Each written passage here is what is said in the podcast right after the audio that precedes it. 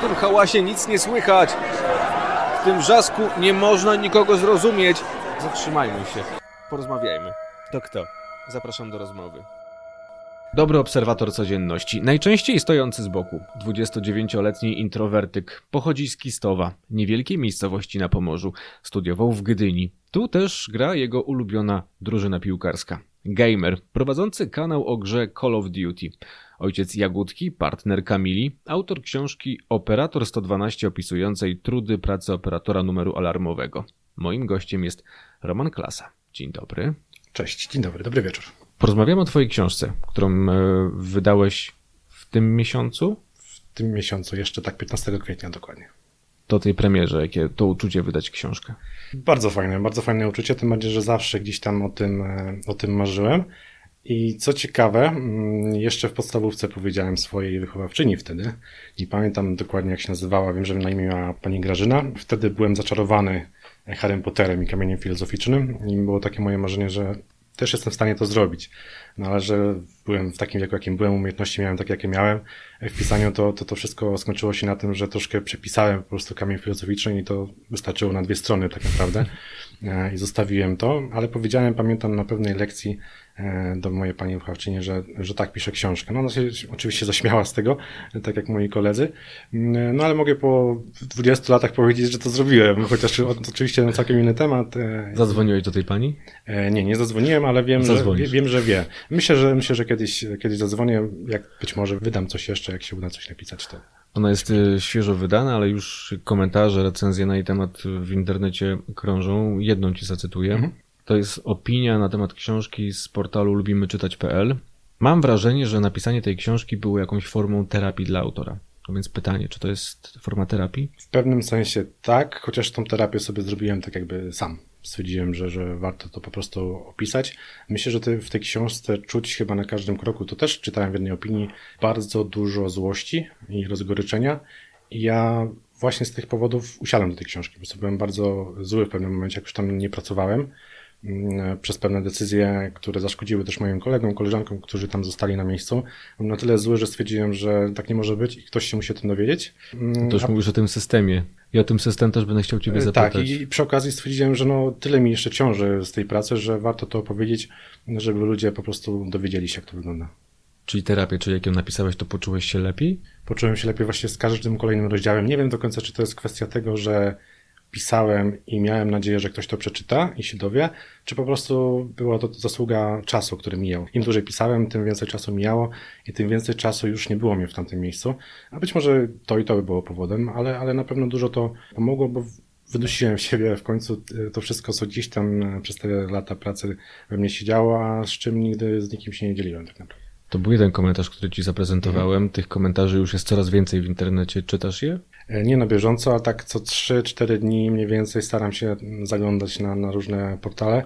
Tam ale... są nie tylko przychylne słowa, ale także mm, słowa gorzkie, jakie mhm. przyjmujesz gorzkie słowa jak przyjmuję, tak samo jak pozytywne słowa. Ja mam wrażenie, ja nie lubię być chwalonym, tak szczerze mówiąc. Daje mi to dużo motywacji do działania, bo przyznam szczerze, że gdyby tych negatywnych komentarzy, które zdarzyło mi się przeczytać, e, się nie pojawiły, to nie wiedziałem do końca, gdzie robię błąd, przez to nie mógłbym go naprawić na przykład w przyszłości, tak? A też zamierzam jednak coś tam w tym kierunku jeszcze, e, jeszcze spróbować, jeśli chodzi o pisanie, więc, więc myślę, że to będzie, no, będzie, już jest spora taka lekcja. Do tego opisu, od którego zacząłem, zapomniałem dodać jeszcze skromny. E, wydaje mi się, że tak, chociaż mówi się, że jak ktoś twierdzi, że jest skromny, to już automatycznie nie jest skromny, skromny ale, ale myślę, że, no, że chyba tak, chyba tak można powiedzieć o mnie też. Ja jestem Romanie po lekturze książki Operator 112. Z niej zapamiętałem na pewno dwie historie.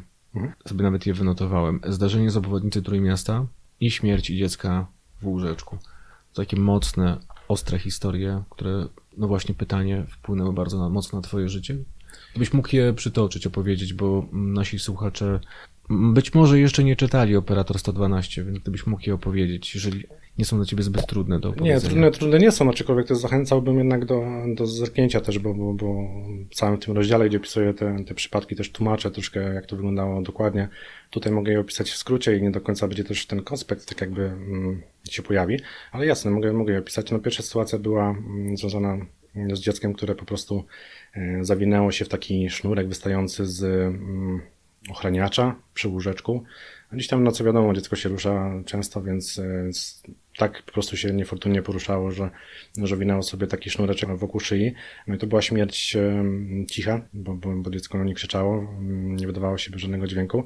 No i rano ojciec tego dziecka po prostu znalazł e, to dziecko no już, już e, nieprzytomne, już, już od jakiegoś czasu, od kilku godzin prawdopodobnie nawet. E, no i dodzwonił się do mnie. I to było na tyle trudne, że ja takie zgłoszeń wcześniej przyjmowałem kilka. Mm, jakoś nie odczułem jakiegoś ciężaru po tych zgłoszeniach, natomiast to konkretne e, pojawiło się w momencie, kiedy ledwo co urodziło mi się też dziecko. Mm, znaczy ledwo co, no już po kilku miesiącach to prawda, ale, ale miałem już wtedy małą jagódkę. I po prostu wracając e, do domu z pracy, tak sobie myślałem nieprzerwanie, że być może ona też tak, bo też miała taki ochraniarz właśnie, może nie z takimi długimi e, węzłami, ale stwierdziłem, że kurczę, może coś innego, może nie wiem, pod poduszkę jakoś się zapląta, czy coś, nie będzie mogła oddychać. Potem właściwie kilka miesięcy było dosyć trudne noce miałem, bo cały czas nasłuchiwałem, tak, czy ona tam się jeszcze rusza i każde kasznięcie nawet dziecka, e, to był taki trochę schodziło powietrze, tak, taka ulga, że ona tam jeszcze jest. Stawało się oczywiście, sprawdzało się, no ale też człowiek potrzebuje trochę snu, więc czasami to było niemożliwe. No, druga taka sytuacja, jeśli chodzi o obwodnicę, no to był w ogóle mm, niesamowity zbieg okoliczności, przypadek, wydaje mi się, bo generalnie operator, jeśli dodzwoni się do operatora jakiś numer i nie dojdzie do kontaktu operatora ze zgłaszającym, tylko operator usłyszy jakiś dźwięk niepokojący, E, albo generalnie jakiś dźwięk, nie usłyszy odpowiedzi, no to ma obowiązek odzwonić na ten numer, tak żeby się upewnić, że wszystko jest w porządku i że niepotrzebna jest żadna pomoc. Mm, natomiast ja tego nie robiłem, albo robiłem to bardzo rzadko, bo jak słyszałem oczywiście jakieś krzyki, no to odzwaniałem, ale jak słyszałem pociąg na przykład, bo to było też bardzo często, albo rozmowy w tle, no to wiedziałem, że tutaj w ogóle nie ma sensu odzwaniać, bo to jest przypadkowo wykręcony numer. Podkusiło mnie, żeby raz na taki numer odzwonić. Dzwonił do mnie numer, który był zarejestrowany na konkretną osobę, ale nie udało się nawiązać żadnego dialogu z tym mężczyzną, jak się potem okazało. Słyszałem po chwili jakieś tam rozmowy w tle i stwierdziłem, że odzwonię, bo próbowałem nawiązać kontakt, ale to nie przynosiło skutku, więc wiedziałem, że jak ja zadzwonię, rozłączę się i zadzwonię, no to mężczyzna usłyszy dźwięk dzwonka, i będzie wiedział, że ktoś dzwoni, będzie mógł odebrać, będziemy mogli porozmawiać. E, no i odzwoniłem na ten numer, odebrał mężczyzna, e, zdziwiony, że on przez przypadek wykręcił numer 112, bo to można zrobić nawet przy zablokowanym telefonie, więc to nie jest nic trudnego tak naprawdę. Był wtedy na obwodnicy z swoją żoną i z córką, jeśli dobrze pamiętam, czteroletnią z tyłu, na foteliku. No i była też taka pogoda dosyć, dosyć nieciekawa. E, najgorsze w tej pogodzie było to, że po prostu było taki, taki czarny lód na obwodnicy, było bardzo ślisko. E, służby nie dążały troszkę na wysypywaniem tej soli. No i zdarzyło się tak, że odzwaniając do niego, mm, on mnie przeprosił, że wykręcił do, ten numer prze, przez przypadek, bo nie chciał blokować, bo, bo nie chciał zawracać głowy. No i powiedział, że musi się rozłączać, bo nie zabrał ze sobą zestawu głośno mówiącego. No i nie chciałby, żeby ktoś go złapał, żeby dostał mandat. No i w tym momencie mm, jego tam jeszcze zdążyłem uprzedzić, e, że jest ślisko, żeby uważał. No i w tym momencie usłyszałem huk, dosyć taki charakterystyczny, dźwięk niecionej blachy, szyby powybijane. No i zamurowała mnie trochę, bo na początku znałem, że, że być może po prostu mu ten telefon gdzieś tam upadł na, na, na ziemię, bo też tak się mogło zdarzyć, że może po prostu mu się wyśliznął ale potem zobaczyłem, że na stanowiskach obok kolejka połączeń robi się czerwona i wszyscy dzwonią z obwodnicy, zgłaszając wypadek. Okazało się potem już dopiero, mm, jak czytałem formatki właśnie kolegów, którzy siedzieli obok, że, e, no, że tam jest wypadek śmiertelny, tak? że, że, że dwie osoby mm, zginęły na miejscu. Tego mężczyznę znaleziono, może nie będę opowiadał o szczegółach, ale, ale znaleziono martwego. E, kobieta też e, niestety została przygnieciona. Przeżyło dziecko czteroletnie na tyłach, e, ale udało się temu dziecku przeżyć. I pamiętam, że to był już koniec dyżuru. Ja już tego dnia telefonu nie odebrałem żadnego, to wpatrywałem się w tą, w tą formatkę pusto. Wróciłem do domu. Oczywiście było pytanie takie standardowe, jak tam w pracy. No się uśmiechnąłem, powiedziałem, że, że, że w porządku, że nic się nie działo specjalnego. Powiedziałem tylko, że jestem trochę zmęczony, położyłem się spać i no i oczywiście nie udało się zasnąć, bo miałem w głowie tylko ten dźwięk gniecionej blachy i świadomość, że gdybym nie odzwonił na ten numer, no to nic by się nie stało. Często płakałeś po swoim dyżurze, bo często miałeś e, takie załamania? Zależy co, co rozumieć pod często. E, częściej niż, niż się spodziewałem na pewno. Nie chcę mówić, że było tego dużo, ale, ale na pewno było kilka takich sytuacji, gdzie po prostu ze zmęczenia też po części i z takiego braku wsparcia, ale nie ze strony rodziny, absolutnie nie o to chodzi, z braku wsparcia od strony osób decyzyjnych, powiedzmy, tak, bo ta walka była momentami trudna i przykra, że nie można było nic zmienić mimo, mimo chęci, mimo tego, że na każdym kroku się podkreśla, że operator to, to jest bardzo ważną osobą, tak, w tym systemie. I zdarzało się, że właśnie na końcu, zwłaszcza na końcu tej pracy, że no, że po prostu byłem wykończony przyjmowaniem tych zgłoszeń i głupotą też ludzi, którzy zgłaszają totalnie bzdurne rzeczy. E, I zdarzało mi się po prostu gdzieś tam, może nie tyle nawet płakać, co po prostu leżeć na, na łóżku zupełnym bezruchu i, i takim, nawet nie wiem, bezużytecznie, może tak powiem, jest taki zrezygnowany zupełnie, rozbity po części też na pewno. Opowiedziałeś mi o dwóch historiach, które pojawiają się w Twojej książce, a są historie, których w książce nie chciałeś umieścić, albo które się nie zmieściły, a które pamiętasz do dziś? Czy jest na pewno dużo takich podobnych zgłoszeń? Ty to umieściłem w książce, one są takie charakterystyczne dosyć i tak jakby to wszystko zabrzmia, z jednej kategorii powiedzmy, tak? E, natomiast takich podobnych zgłoszeń było bardzo dużo, bo samobójców było też na przykład bardzo dużo, dużo było zawałów, dużo było wypadków, wypadków było naprawdę cała masa i, i naprawdę wiele razy słyszałem gdzieś tam dźwięk kobiecy czy, czy męski nawet, który po prostu szlochał, tak, który z tego nie można było wydobyć żadnego słowa, bo, bo trzymał na rękach gdzieś tam tak swoją partnerkę czy swojego partnera. Takich zgłoszeń było, było dużo. Ja starałem sobie poprzypominać też, pisząc, pisząc tą książkę właśnie, żeby tam było ich e, jak najwięcej. Potem stwierdziłem, że to troszkę będzie chyba niepotrzebne pisanie podobnych przypadków i tak dalej. I też na szczęście udało mi się na pewno sporą część z tych zgłoszeń po prostu zapomnieć, więc też e, nie męczą mnie. Przez to nie mogłem ich opisać oczywiście, ale, ale przynajmniej mnie nie męczą, bo, bo wiem, że ich było dużo Wiem, że też na bieżąco po prostu jedno zgłoszenie takie cięższe, czy tam specyficzne, e, zapominałem i zastępowałem je e, tym nowszym, tak, które gdzieś tam e, musiałem odebrać. Korzystałeś z pomocy psychologa? Nie, nie, z pomocy psychologa nie korzystałem ani razu. Nie wiem, czy to nie był błąd, bo czułem w pewnym momencie, że jest ona mi ta pomoc potrzebna. Psycholog w centrum był, w każdym centrum teraz jest psycholog, na pełnym etacie, jeśli dobrze pamiętam. Przynajmniej u nas w Gdańsku bardzo przyjemne e, kobiety pracowały na tym stanowisku i fajnie można było z nimi porozmawiać, ale to była bardziej rozmowa jak z drugim operatorem, który po prostu nie przyjmuje zgłoszeń, e, z taką koleżanką, tak, z pracy, ale niekoniecznie chciałem mówić im o, o tym, że nie wiem, że, że jakieś mam problemy, czy nie daję rady. I też wtedy chyba nie do końca dopuszczałem do siebie, że, że to przez te zgłoszenia, przez tą pracę mogłem mieć jakieś tam problemy i, i dziwnie się zachowywać. Zawsze dochodziłem do wniosku, że kurczę, jestem po prostu przemęczony albo, mm. albo coś w tym stylu, a to raczej było wina też może właśnie otoczenia, a niekoniecznie tego, że nie daję sobie rady. Tak. Powiedziałeś, że przychodziłeś do domu, mówiłeś, padało pytanie, jak minął ci dzień, mówiłeś, że wszystko ok, ale jednak z tyłu głowy cały czas miałeś to, że ten dzień nie był miły, jeżeli nie był taki normalny. Pomagała wtedy Kamila? Bardzo chciała pomóc i pomagała. No to muszę, nie, mogę, nie mogę powiedzieć, że nie, bo ta pomoc nie była nieoceniona tak naprawdę. Z tym, że ja byłem bardzo niechętny do współpracy, że tak powiem, bo, bo zawsze mówiłem, że jest wszystko dobrze, że, że daję radę. Były takie momenty, gdzie no, nie dało się tego ukryć, że, że jednak tej rady nie daje. Pamiętam jeden, taki, jeden taki moment, ona niewiele mogła zrobić tak naprawdę i ja wtedy, teraz przynajmniej, mm, patrząc na to z boku, z perspektywy czasu, trochę jej współczuję, że musiała z tamtym mną się męczyć, bo, bo naprawdę to musiało być bardzo trudne. Ale pytała, nie dawała mi spokoju, tak, do, do upadłego, jak widziałeś, co się dzieje, bo ja nie, nie mogę tego ukrywać. Jak coś faktycznie się działo, to, to nie mogłem jakoś, nie wiem, tak bardzo mocno sztucznie się uśmiechać, żeby to ukryć. Ona to widziała i zawsze podpytywała, aż się zmęczyłem, żeby w końcu powiedzieć.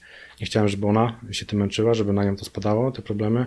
No, no i chciałem też pracy przynosić do domu, tak? Chciałem w tym domu mieć dom, spokój po prostu od e, tych ciężkich zdarzeń, które były w pracy. To tak się chyba nie da do końca, żeby zapomnieć, żeby nie przynosić tej pracy, która jest e, tak oddziaływująca emocjonalnie na, na człowieka, żeby jej nie przynosić do domu. Czy twoja praca, trudna praca, z trudnym klientem, jakoś wpływała na Twoje życie codzienne, na, na, Twoje relacje? E, myślę, że w bardzo dużym stopniu tak wpłynęło na moje relacje, bo jakoś mam wrażenie, że oddaliłem się trochę od ludzi. Z samego początku właściwie tak nie bardzo nie lubiałem po prostu przebywać z ludźmi w dużych skupiskach, dużych, powiedzmy powyżej pięciu osób, to już dla mnie było duże skupisko, z którym czuję się niekomfortowo.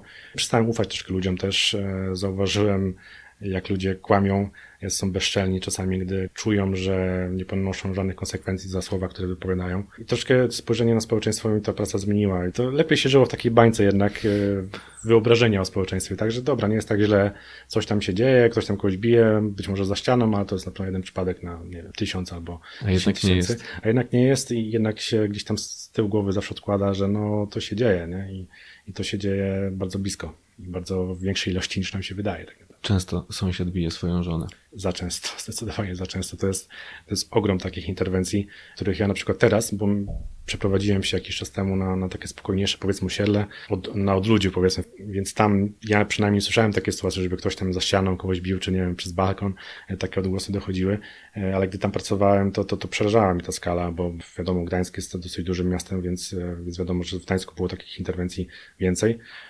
Natomiast no i tak skala mnie przeraziła. Widziałem, że jest tego więcej niż myślę, ale zaskoczyło mnie to mimo wszystko. I też zaskoczyła mnie postawa mm, kobiet w tych sytuacjach, bo ja wiem, że to jest bardzo, bardzo trudne zjawisko w ogóle, żeby... A chodzi o milczenie kobiet. O milczenie kobiet, tak. O takie podejście, że... Bo były takie telefony i to ci mówię szczerze i było ich naprawdę dużo, które mówiły wprost, że mm, on mnie bije, albo on chce mnie pobić, albo, albo już mnie uderzył, albo wrócił piany i tam się rzuca. Było takie zawsze stwierdzenie, że on się rzuca.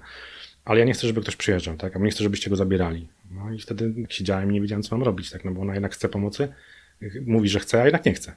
Takich zgłoszeń było bardzo dużo, no i my jako operatorzy niewiele mogliśmy z tym zrobić. A to jest na tyle skomplikowane zjawisko, że no ciężko tutaj powiedzieć, no to pani od niego odejdzie, tak? Chociaż też tak się zdarzało mi mówić, ale to nie jest takie proste, jak, jak się wydaje. Czyli były takie momenty, że stawałeś się spowiednikiem, psychologiem dla tych, którzy do ciebie dzwonili? Operator jest wszystkim dosłownie. Jest prawnikiem, jest, jest komornikiem nawet czasem, jest sędzią. Dosłownie każdą instytucją mogliśmy być, w zależności od tego, jaki był telefon.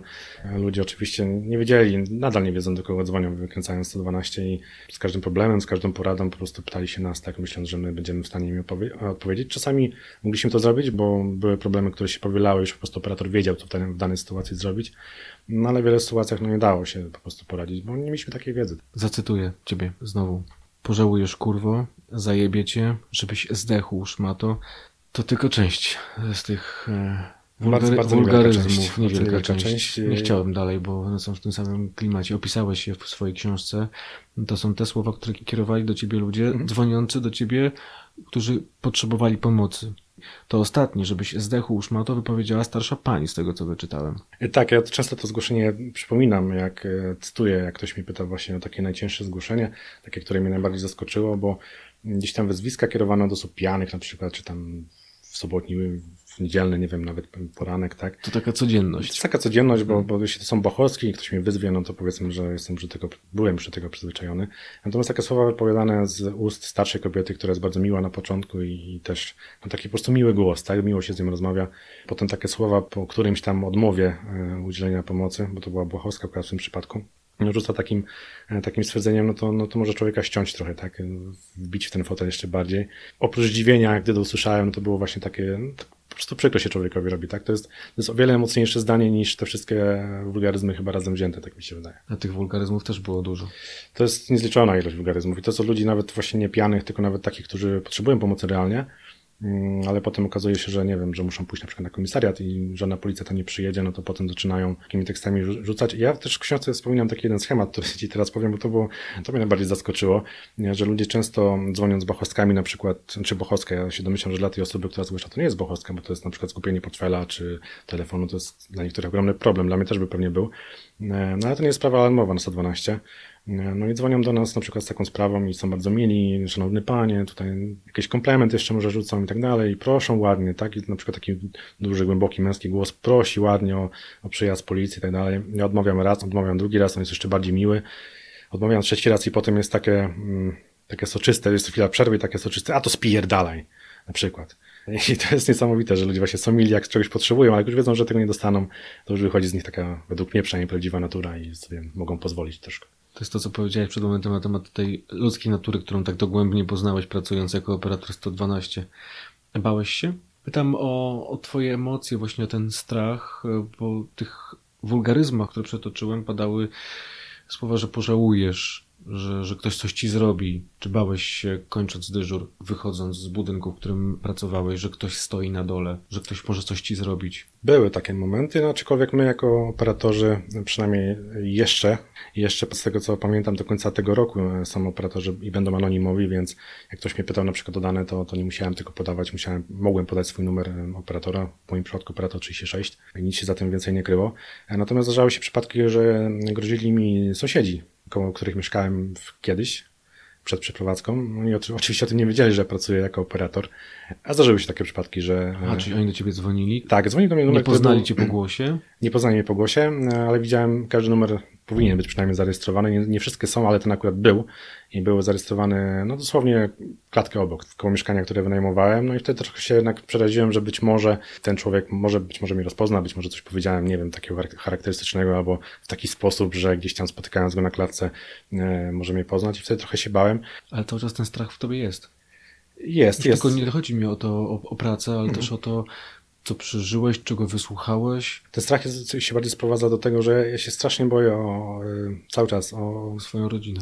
O rodzinę ogólnie, ale o córkę bardzo się boję i właściwie rok minął, odkąd e, już nie pracuję tam. I myślałem, że mi to przejdzie ten strach z czasem, że przestanę się bać, że ona sobie coś zrobi, że coś się stanie, że nawet nie z jej winy, tak, tylko po prostu przez kogoś innego.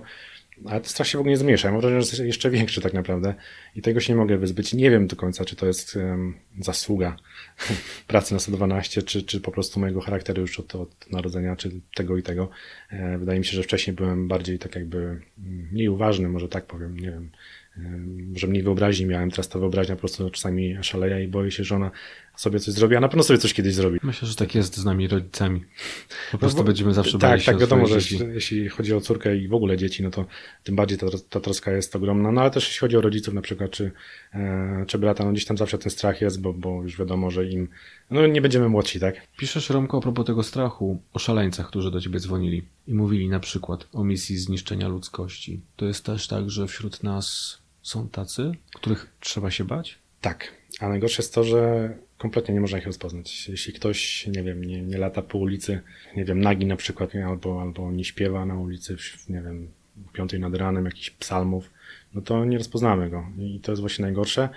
I po tych zgłoszeniach też było, dało się odczuć, że o ile to, co mówi, stawia dla siebie i, i, dla mnie jako operatora, a nie wychodzi gdzieś, gdzieś z tym dalej i nie zamierza, nie wiem, zbawiać świata na własną rękę, no to jest okej, okay, powiedzmy. Najgorsze, że niektórzy właśnie wychodzą i przypadki też w Polsce już, już były i to E, i to niejednokrotnie, że gdzieś tam po prostu ja przytoczyłem w książce taki właśnie taki przypadek, który mi się przypomniał, jak to pisałem, że jakiś facet wszedł do biblioteki chyba, czy do sklepu, w którym było małe dziecko z, z matką i po prostu siekierą to dziecko w głowę uderzył, po prostu ją zabił.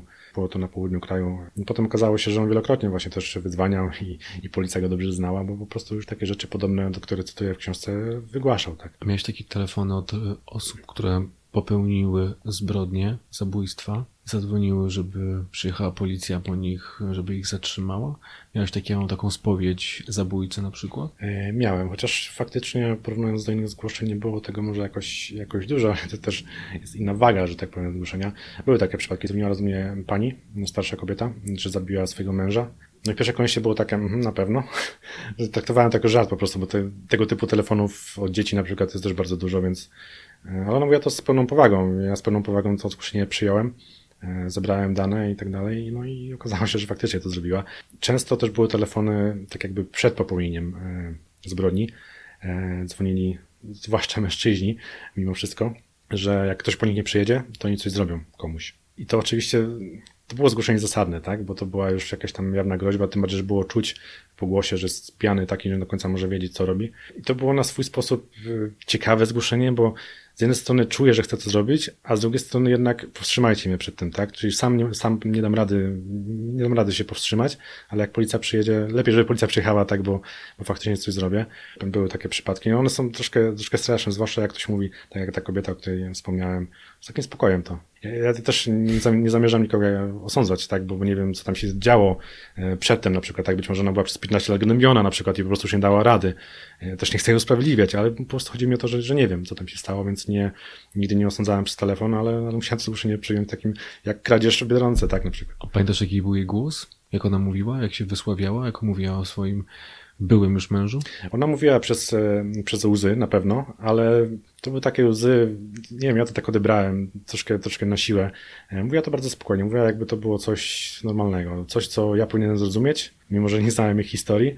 Po prostu to zrobiła, tak, po prostu tak musiało być. Jakoś nie, nie czułem w jej głosie przejęcia, a trochę dało się po tych głosach już po, po kilku latach wyczuć, co ludzie faktycznie myślą i jak się zachowują. Ona to traktowała, mówię, no jak, jak po prostu pójście do sklepu. Tych historii, Romanie, które przeżyłeś w swojej pracy, opisujesz bardzo dużo w książce, ale w książce też piszesz, ja tak to przynajmniej odebrałem, o takim żalu do systemu. Jest tak rzeczywiście, że to nie jest do końca tak, jak być powinno, bo piszesz o niskich zarobkach, o ogromnym stresie, o braku pomocy ze strony przełożonych. O psychologu powiedziałeś, że był psycholog, ale jednak traktowaliście się jak kolega, koleżanka z pracy, czyli tej pomocy psychologicznej de facto nie było. Że też nie chcę mówić, że, że nie było, bo, bo jednak nawet taka rozmowa koleżeńska też na pewno była jakimś tam zabiegiem, tak, dzięki któremu było łatwiej. I on, jakby ktoś potrzebował, ten psycholog zawsze tam był, więc może nie można powiedzieć, że nie było. Natomiast jeśli chodzi o cały system, bardzo delikatnie to ująłeś, bo, bo to jest, e, numer funkcjonuje już w Polsce właściwie, mm, już pamiętam 7-8 lat od samego początku e, i to jest cały czas jedna wielka fuszerka, rządzona przez ludzi, którzy mam wrażenie się kompletnie na tym nie znają, przynajmniej w większości, niestety. Decyzje wydają ludzie, bardzo często tacy, którzy w ogóle nie odebrali telefonu i nawet nie wiedzą do końca, jak ten system działa. E, był taki przypadek, już nie będę mówił gdzie, e, kierownik po iluś latach pracy, e, jako kierownik Centrum Powiadamiania Ratunkowego, podszedł do operatora i zapytał się operatora, czemu ona wysłała tamtą i tamtą miejsce karetkę. Gdzie my jako operatorzy nigdy karetki nie wysyłamy bezpośrednio, wysyłamy tylko formatkę elektroniczną do dyspozytora i to dyspozytor decyduje, czy tę karetkę wysłać, czy nie. Więc e, była taka sytuacja, że kierownik po tylu latach pracy nie wiedział nawet, że operator nie wysyła karetki, tak? I takich ludzi jest niestety e, bardzo dużo. Jest dużo ludzi fantastycznych, no, na pewno w tym systemie. Natomiast e, wydaje mi się, że tutaj, znaczy nie wydaje mi się, jestem pewien, bo przekonałem się o tym na własnej, na własnej skórze, że główną rolę grają po prostu chęć utrzymania stołka jest ważniejsza niż operator. Mieliśmy fantastycznych operatorów w Gdańsku, poznałem naprawdę fantastycznych ludzi, kreatywnych, e, inteligentnych, ale niestety każda próba zmiany czegoś spotykała się z ogromnym oporem, tak, niezrozumieniem i oporem i, i taki człowiek był bardziej traktowany jako przeszkoda niż jako jakaś pomoc. Też piszesz o ciągłych wakatach na, na stanowiska. Brakuje, brakuje ludzi. U nas, jak odchodziłem, momentami było nawet, e, nawet trzykrotnie za mała obsada. To zresztą jest też ciekawa historia, bo e, był taki okres, gdzie próbowaliśmy walczyć z tym, mm, uświadomić Urząd Wojewódzki, pod który centrum podlega, że jest problem i że będzie jeszcze gorzej, jak nic nie zrobią. Mm, wystosowaliśmy taki list otwarty do mediów, no i urząd odpowiedział na ten list. Pamiętam w kwietniu chyba, że do września, czyli właściwie przez pół roku, obsada będzie na zmianach 17-18 osób, operatorów na zmianach, jednej zmianie. To było nierealne.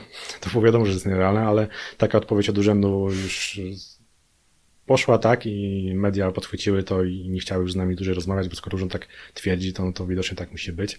Tak się oczywiście nie stało. Nie zatrudniono nikogo, ale kogoś zatrudniono, to w jego miejsce zrezygnowały dwie osoby. Ja wtedy pamiętam, że robiłem nawet takie obliczenia, od momentu, jak się zatrudniałem e, w centrum, gdzieś tam pół roku po moim zatrudnieniu, była jakaś ilość operatorów. Nie chcę teraz kłamać, bo nie pamiętam tych liczb, ale załóżmy, że 40 tak pracowało. I policzyłem, ile było, jak odchodziłem pół roku po odejściu, było, e, jeśli dobrze pamiętam, 4 albo 5 operatorów mniej Mimo, że przejęliśmy kolejne powiaty, mimo, że przejęliśmy numer 997 i mimo, że zmieniliśmy cały w ogóle kulturę pracy. To świadczy o tym, jaka jest tam rotacja i że tak naprawdę te rekrutacje, te rekrutacje są, ale nie ma chętnych, bo też za te pieniądze no, mało kto chce pracować. Tak jedynie z ciekawości i nawet jak ktoś przyjdzie, to, to po miesiącu, czasem po dwóch odchodzi po prostu, jak widzi, co się dzieje. Tak? A w ostatnim czasie bardzo dużo ludzi odeszło, widząc e, zarządzanie po prostu tym miejscem. Ty w swojej książce też piszesz dokładnie, ile zarabia operator 112, to jest 3,5 tysiąca złotych brutto.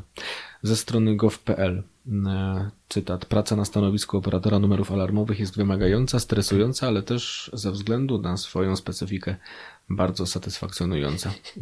Więc pytam Ciebie, osobę doświadczoną pracującą na stanowisku operatora 112, z czego byłeś najbardziej usatysfakcjonowany? Ja uwielbiam to stwierdzenie. To powiem Ci, że to zawsze bawi operatorów, bo satysfakcja pojawia się zawsze w tych wielkich przemówieniach polityków, że no praca ciężka, satysfakcję macie. Oczywiście od naszej strony się pojawia od razu takie stwierdzenie, że satysfakcji to do garnka nie włożę przecież i przydałyby się za tym jakieś, jakieś pieniądze. Była satysfakcja na początku na pewno, było takie podniecenie też, że to coś nowego, fajnego, ważnego, co się robi i gdy faktycznie komuś udało się pomóc, to ta satysfakcja była, pojawiała się, ale potem przyszło bardzo szybko zmęczenie, Potem przyszły wyzwiska, groźby, właśnie te zgłoszenia takie bardziej I już tej satysfakcji nie było. pamięć i, i ta satysfakcja gdzieś tam powoli spadała na dalszy plan, na dalszy plan, aż wydaje mi się, potem już tej satysfakcji w ogóle nie było i pojawiła się, nawet nie potem, tylko w miarę, w miarę szybko to przyszło. E, potem traktowałem to po prostu jako pracę i każde kolejne zgłoszenie jako po prostu coś, co muszę zrobić. Tak. Powiedzieliśmy o tym, że wracałeś do domu pełnego, bo jest Kamila, jest Jagódka, ale też wyczytałem, przygotowując się do dzisiejszej rozmowy z Tobą, że wracałeś do gier wideo. Dużo czasu spędzasz przed konsolą, przed komputerem? E, teraz mam tego czasu więcej, więc troszkę, troszkę więcej e, spędzam, ale e, nie nazywam siebie, nigdy nie nazywam siebie gamerem, bo gamer kojarzy mi się z osobą, która jest zapalona grami, gra we wszystko, co, co może. Ja mam swój właściwie jeden tytuł, który gdzieś tam sobie pogrywam ze znajomymi i świetnie spędzamy czas. To jest świetny zabijacz czasu też, ale też dzięki temu można było się odmurzyć totalnie. Partnerka nie jest zła, nie mówi, przestań ciągle grać w te gry. Czasem jest, czasem jest. Ale mówię, jeszcze, jeszcze ostatnia partia, jeszcze ostatnia partia. I potem ta ostatnia partia, gierka tak. dłuży się trzy godziny. Ale... Ta gra to, z tego co pamiętam, chodzenie z bronią i strzelanie do ludzi. Wirtualnych, tak. Wirtualnych oczywiście. Uczy refleksu i myślenia. Jest też piłka nożna, o której wspomniałem na początku. Skoro Gdynia, to też Arka Gdynia. Zapalony kibic. Znienawidzą mnie chyba po tym, ale tak. tak. Zapalony kibic, e, wydaje mi się, że to już za duże, już za duże słowo bo był taki moment w moim życiu, że, że jeździłem na każdy mecz, mimo tego, że mieszkałem naprawdę daleko i też nie było połączenia zbyt dobrego, to byłem na każdym meczu i chodziłem też do szkoły, więc też trzeba było to pogodzić. No ale tak, jeździłem na każdy mecz w Gdyni, na wyjazdy też zdarzało się jeździć. Poznałem ten świat od środka, mm, dosyć według mnie dzisiejszej perspektywy pełen paradoksów wydaje mi się. Była to fajna ten przygoda. Świat kibicowski. Kibicowski świat, tak. E, no i dzisiaj już bardziej się to sprowadza gdzieś tam do oglądania meczy mimo wszystko mm, w telewizji śledzenia wyników, powiedzmy tak, już transferów nawet za bardzo nie śledzę, bo tam się tak szybko to wszystko zmienia, że nie jestem w stanie przywiązać się tak jak kiedyś do któregoś piłkarza, bo już go nie ma po prostu w klubie. To już na koniec, Romanie, wracając do książki. Jest tak, że nie powinno się oceniać autora po napisaniu przez niego pierwszej książki, dlatego ja książki nie będę oceniał, tylko podpytam Ciebie, czy planujesz kolejną pozycję? Chciałoby się powiedzieć pomidor, ale Ale nie powiem, bo już to, już to w sumie zdradziłem e, po części na, na, na swojej stronie. Mm, planuję już nawet coś zacząłem. Nie będę zdradzał Ci na pewno co, to na pewno nie, ale mogę zapewnić, bo też nie wiem, czy to wyjdzie, tak? Nie mam zielonego pojęcia, czy kto, komuś się to spodoba. Pisanie operatora było dosyć z punktu takiego pisarskiego proste, bo nie musiałem tworzyć bohaterów, nie musiałem tworzyć historii, nie musiałem zmyślać, że tak powiem, więc było to dosyć, dosyć łatwe pod tym względem. Sam chcę się przekonać, czy jestem w stanie stworzyć coś, co ludzi zainteresuje w inny sposób, czy jestem w stanie stworzyć historię, którą mam już od dawna i też rodziło się, jak miałem chyba z 8-10 lat, takie pierwsze ziarenko tej historii. To mocno ewoluowało do tego momentu, gdzie jestem teraz. Jeżeli to napiszę, a na pewno napiszę, kwestia tego, czy to wyjdzie, to mogę zapewnić, że to będzie, tak jak w przypadku chyba operatora, coś, czego jeszcze na rynku książki nie było. I mówię to z pełną, z pełną stanowczością. Nie po to, żeby zareklamować, bo, bo tego produktu jeszcze fizycznie nie ma, ale jestem pewny, że nic e, wcześniej nikt czegoś takiego wcześniej nie napisał i nie wpadł na taki pomysł. E, I wydaje mi się, że jak mam tą umiejętność pisarską, to, to, to, to, to wiele ludzi e, uda się wciągnąć w tą historię. Pamiętasz swoje ostatnie słowa, które są zapisane w książce? E, tak, operator numer 36 rozłącza się. Bardzo dziękuję Ci za rozmowę. Ja również dziękuję.